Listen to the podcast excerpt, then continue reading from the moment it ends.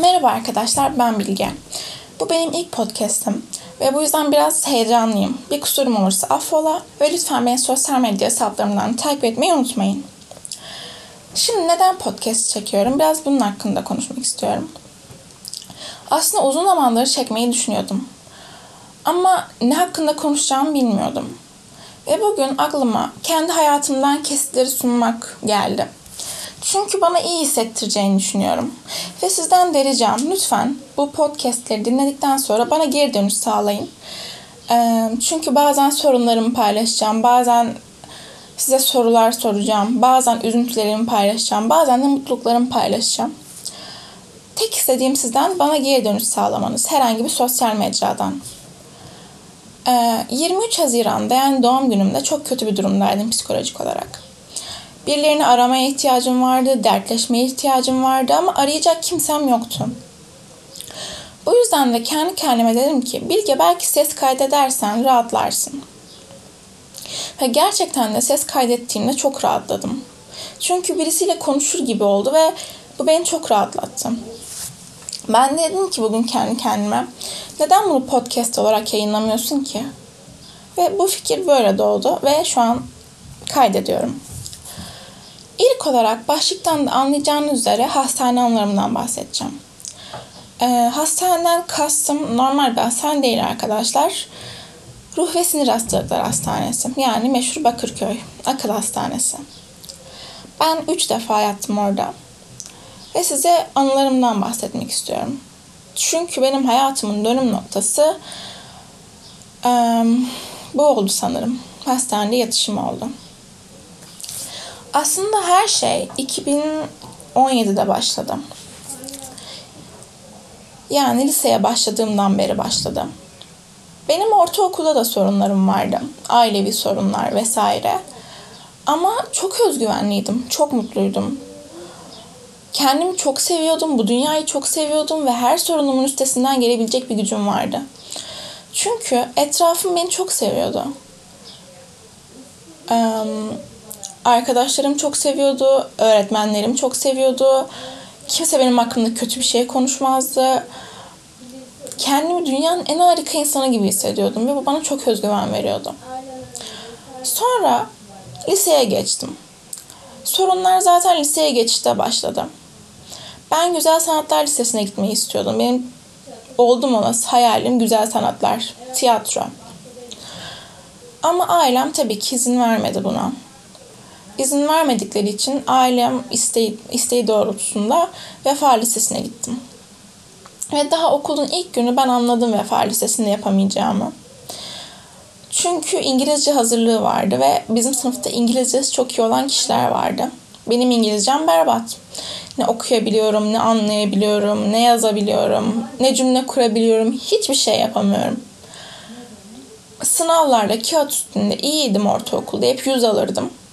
Ama e, iletişim kurmakta çok büyük problemlerim vardı.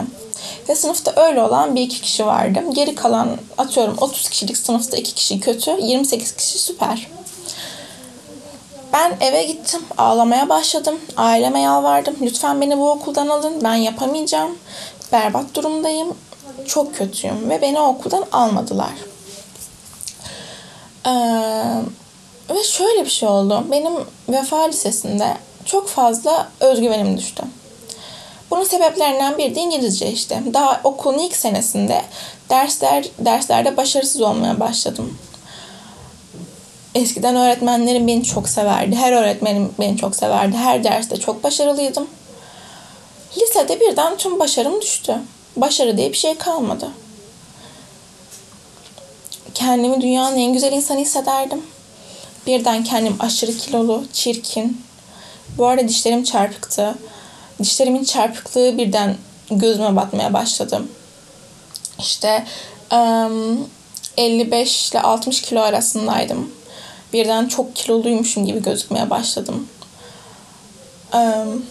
Böyle sorunlar olmaya başladı hazırlıkta. Yani özgüvenim çok gözle görülür bir şekilde düşmeye başladım. Ve bu böyle devam etti. Sonra ama asıl patlama olayı 2020 yılında oldu. Yani bu koronanın başladığı sene. Bazı olaylar oldu okulda. bunları anlatmayacağım. Ailevi sorunlar oldu. ailevi sorunlarıma belki değinebilirim ama okuldaki olaya değinmeyeceğim. Çünkü önemsiz benim için kıymeti olmayan birisiyle ilgili bir olay. Ama beni çok etkileyen bir olay. Neyse. Ailevi sorunlarım oldu. Okulda işte olaylar oldu ve ben kendimi hiç hissetmediğim kadar kötü hissetmeye başladım. Bir yandan okul kapandı. Evde kalmaya başladık. İşte bu koronadan dolayı ilk çıktığı zamanlar okul kapandı biliyorsunuz. Sonra ben dedim ki ya ben kötü bir insanım. Kendimi sevmiyorum. Ama kendimi sevebilirim, yapabilirim bunu dedim. İlk başta spor yapmaya başladım. Diyet yapmaya başladım. Ama nasıl spor ve nasıl diyet? Çok ağır spor, çok ağır diyet. Ve ben bulimiye yakalandım. Bulimia şöyle bir hastalık. Bir yeme bozukluğu. Yemek yemiyorsun tüm gün. Kendini çok aç bırakıyorsun. Ve akşam olduğunda da artık dayanamayıp çok fazla yemek yiyorsun. Hani ekstra fazla yemek yiyorsun. Ve sonra gidip kendini kusturuyorsun. Ben bunun bir hastalık olduğunu bilmiyordum. Böyle bir şey olduğunu kesinlikle bilmiyordum. Sonra bu olayı psikiyatristime anlatınca, ben doktora gitmeye başladım. Doktora anlatınca bunun bana bir hastalık olduğunu ve adının da bulimi olduğunu söyledim. Ben işte çok ağır spor yapıyordum. Kendimi aç bırakıyordum. Akşam dayanamayıp çok yemek yiyordum ve sonra gidip kendimi kusturuyordum. Bazen kusturamadığımda ağlıyordum, krize giriyordum. Çok kötüydü. Bu böyle birkaç ay sürdü bu durum ve ben çok zayıfladım. 50 kiloya kadar düştüm. Ee, gerçekten hani istediğim şeye ulaşmıştım. Ama aslında kendimi hala yeterince zayıf görmüyordum. Benim hedefim 50 kilo olmaktı. 50 kilo olmuştum ama yine de kendimi beğenmiyordum. Yine özgüvensizdim. Niye bilmiyorum. Beğenmiyordum kendimi yine de. Amacıma ulaşmıştım ama olmamıştım. Sonra baktım ben her geçen gün kötülüyorum. Mutlu değilim. Sorunlarım ben zayıfladığımda çözülmedi. Ya da yemek yemeyi bıraktığımda çözülmedi. Ben kendimi kandırıyormuş. Her şeyi kiloya bağlamışım, yemeğe bağlamışım. E gitti bunlar. Sorunun çözülmesi gerek ama hayır, hayatımda hiçbir değişiklik olmadı. Ben yine bendim. O kendini aptal hisseden, özgüvensiz hisseden bilgeydim. Sonra bir gün dayanamadım. Dedim ki ya ben ölmek istiyorum. Ben artık dayanamıyorum. Kendimi öldüreceğim sanırım dedim.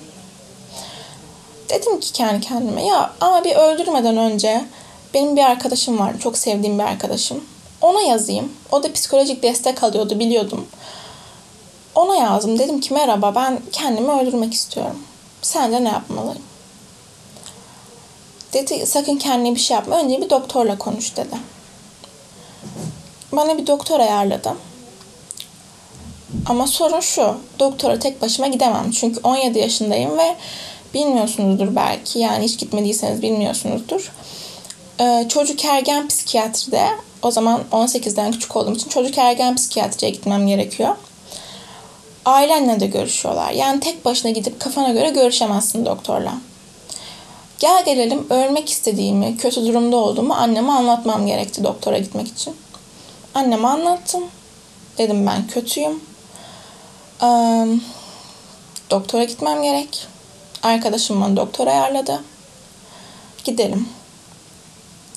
Çok kızdı, bağırdı, çağırdı ama eninde sonunda kabul etti ve gittik.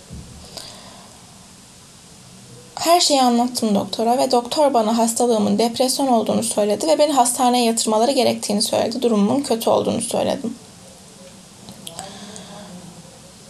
Hmm. Bu arada depresyon deyince halk arasında biraz şey oluyor. Böyle birkaç gün süren bir şeymiş gibi ya da ergenler sadece depresyona kapılabilirmiş gibi bir şey. Hani bir algı var. Depresyon benim hayatımda yaşadığım en kötü şeydi. Allah kimsenin başına depresyon gibi bir hastalık vermesin.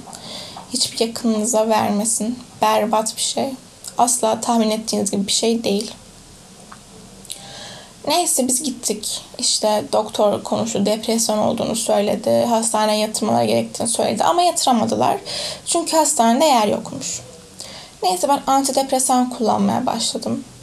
Her geçen gün daha kötüye gidiyordum. Bir yandan terapilere gidiyordum. Ama yani hiçbir faydası yoktu terapilerin. Ee, sonra ben doktorlara sürekli diyordum ki ya beni lütfen hastaneye yatırın. Ben kendimi çok kötü hissediyorum. Ben kendime zarar vereceğim. intihar edeceğim. Ciddiye almıyorlardı beni. Yatırmıyorlardı hastaneye.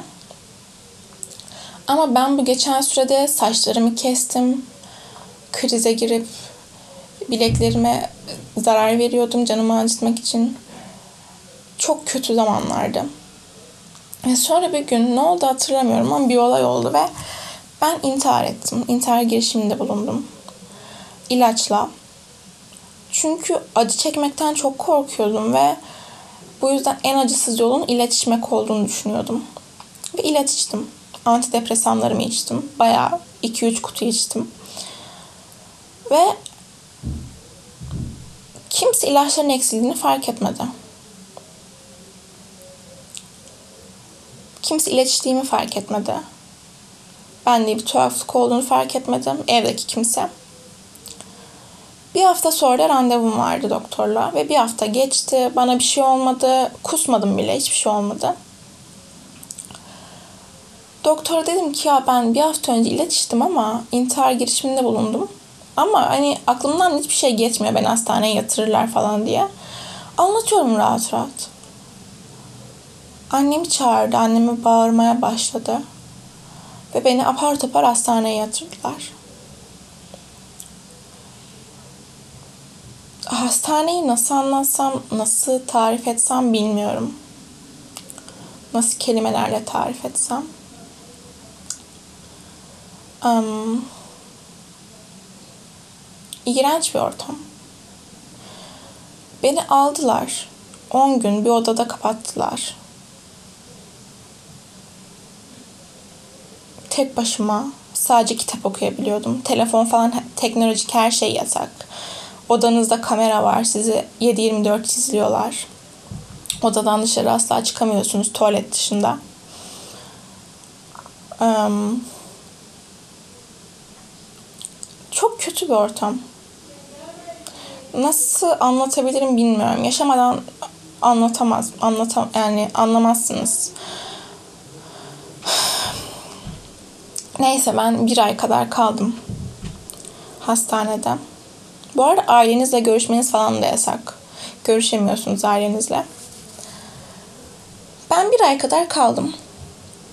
Sonra çıktım. Ama hastanede kendimi çok iyi hissetmiştim aslında. Doktorlarım çok iyiydi. Çok sağ olsunlar. Hemşireler çok iyiydi. Ve şunu fark ettim. Üç defa dediğim gibi ben hastanede yattım. Üç yatışında da hastanede kötü insanlar yoktu. Gerçekten çok iyi insanlar vardı. Ve hepsini oraya düşüren aslında kötü insanlar. Aslında orada yatması gerekenler kötü insanlar. Ama işte iyi insanları yatırıyorlar. Zaten biz iyi olduğumuz için hasta oluyoruz. Neyse. Ben hastanede çocuk ergen bölümünde kendimi çok iyi hissettim. Harika hissettim. Ortaokuldaki özgüvenim yerine gelmişti. Hayatı çok seviyordum. Çok mutluydum. Hastaneden çıktım. Harikayım. Her şey çok güzeldi. O zamanları asla unutamam. Ama birkaç ay sonra fark ettim ki hastanede bize oluşturulan dünya aslında yapay bir dünya. Her şey toz pembe gibi gösteriliyor ve gerçek dünyaya tekrar çıktığın zaman afallıyorsun. Çünkü gerçek dünyada kötülük var. İğrenç bir ortam. Ve benim düşüncelerim, korkularım, nefretlerim tekrar geri geldi ve ben 18 yaşındayken tekrar hastaneye yattım ama bu sefer yetişkin bölümüne. Çocuk bölümü çok daha iyiydi. kesinlikle çok daha iyiydi. Yetişkin bölümü berbattı. Mesela bir anımı anlatmak istiyorum. Bir gün yatacaktık. iki kişilik bir odadaydık. Ben ve bir abla. Kadın sığınma evinden gelmiş bir abla. Kimi kimsesi yok. Gece yarısı birden uyandım. Ve kapıda dolap vardı. Kapıya dolabı çekmiş. Ve bana bakıyordu. O kadar korktum ki. Çünkü o an beni öldürebilirdi bile. Ve kimse bir şey yapamaz çünkü kapının önüne dolabı çekmiş. Mesela beni yastıkla boğsa kimsenin haberi olmazdı. Çünkü herkes uyuyordu. Abla ne yapıyorsun dedim. Dedi ki cinler gelip beni kaçırır diye çok korkuyorum. Beni öldürürler diye çok korkuyorum. Bu yüzden kapıya dolap çektim dedi. O gün sabahı sabah ettim. Uyuyamadım. Yani böyle bir ortam. Çok kötü bir ortam. Bir daha çıktım hastaneden. Bu sefer 10 gün kadar falan kaldım. Çok kalmadım. Yine çok güzeldi her şey. Hastanedeyken çıktım yine kötüleştim. Zaman geçti. Üçüncü defa yine yattım. Şu an nasılım? Ee, üçüncü yatışımda Nisan'da oldu. İşte Mart, Nisan gibi bu sene. Yine 18 yaşında yattım. Şu an nasılım bilmiyorum. İyi miyim değil miyim bilmiyorum.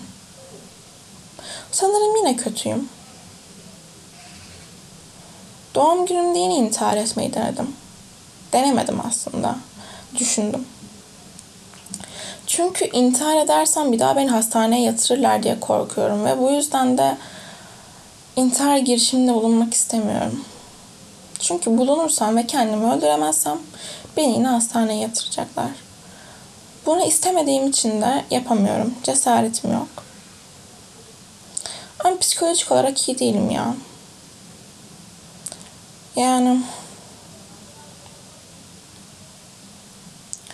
Bu arada üçüncü yatışımda hastalığımın borderline'a döndüğünü söylediler. Depresyon değil. Bir ve iki depresyonda birinci yatışım ve ikinci yatışım. Üçüncü yatışım borderline. Borderline de bipolara benziyor. Kişilik bozukluğu. Böyle arkadaşlar. Hastanede yatışım bu şekildeydi. Hastanede yatmak benim hayatımın dönüm noktası oldu diyebilirim. Hiçbir şey eskisi gibi olmadı. İnsanlar benim hasta olduğumu öğrenince benden uzaklaştılar, kaçtılar. Mesela şu an sicilimde hastanede yattığım var. Büyük ihtimal gelecekte bir iş bulamayacağım, işsiz kalacağım. Antidepresan tonlarca kullandım. Sürekli ilaç değiştirdiler, eklediler, çıkardılar. Piyasadaki çoğu ilacı kullanmışımdır. Şu an hala kullanmaya devam ediyorum. Böyle. Diğer bölümde ne bahsederim bilmiyorum arkadaşlar. Dinlediğiniz için teşekkürler. Öpüldünüz.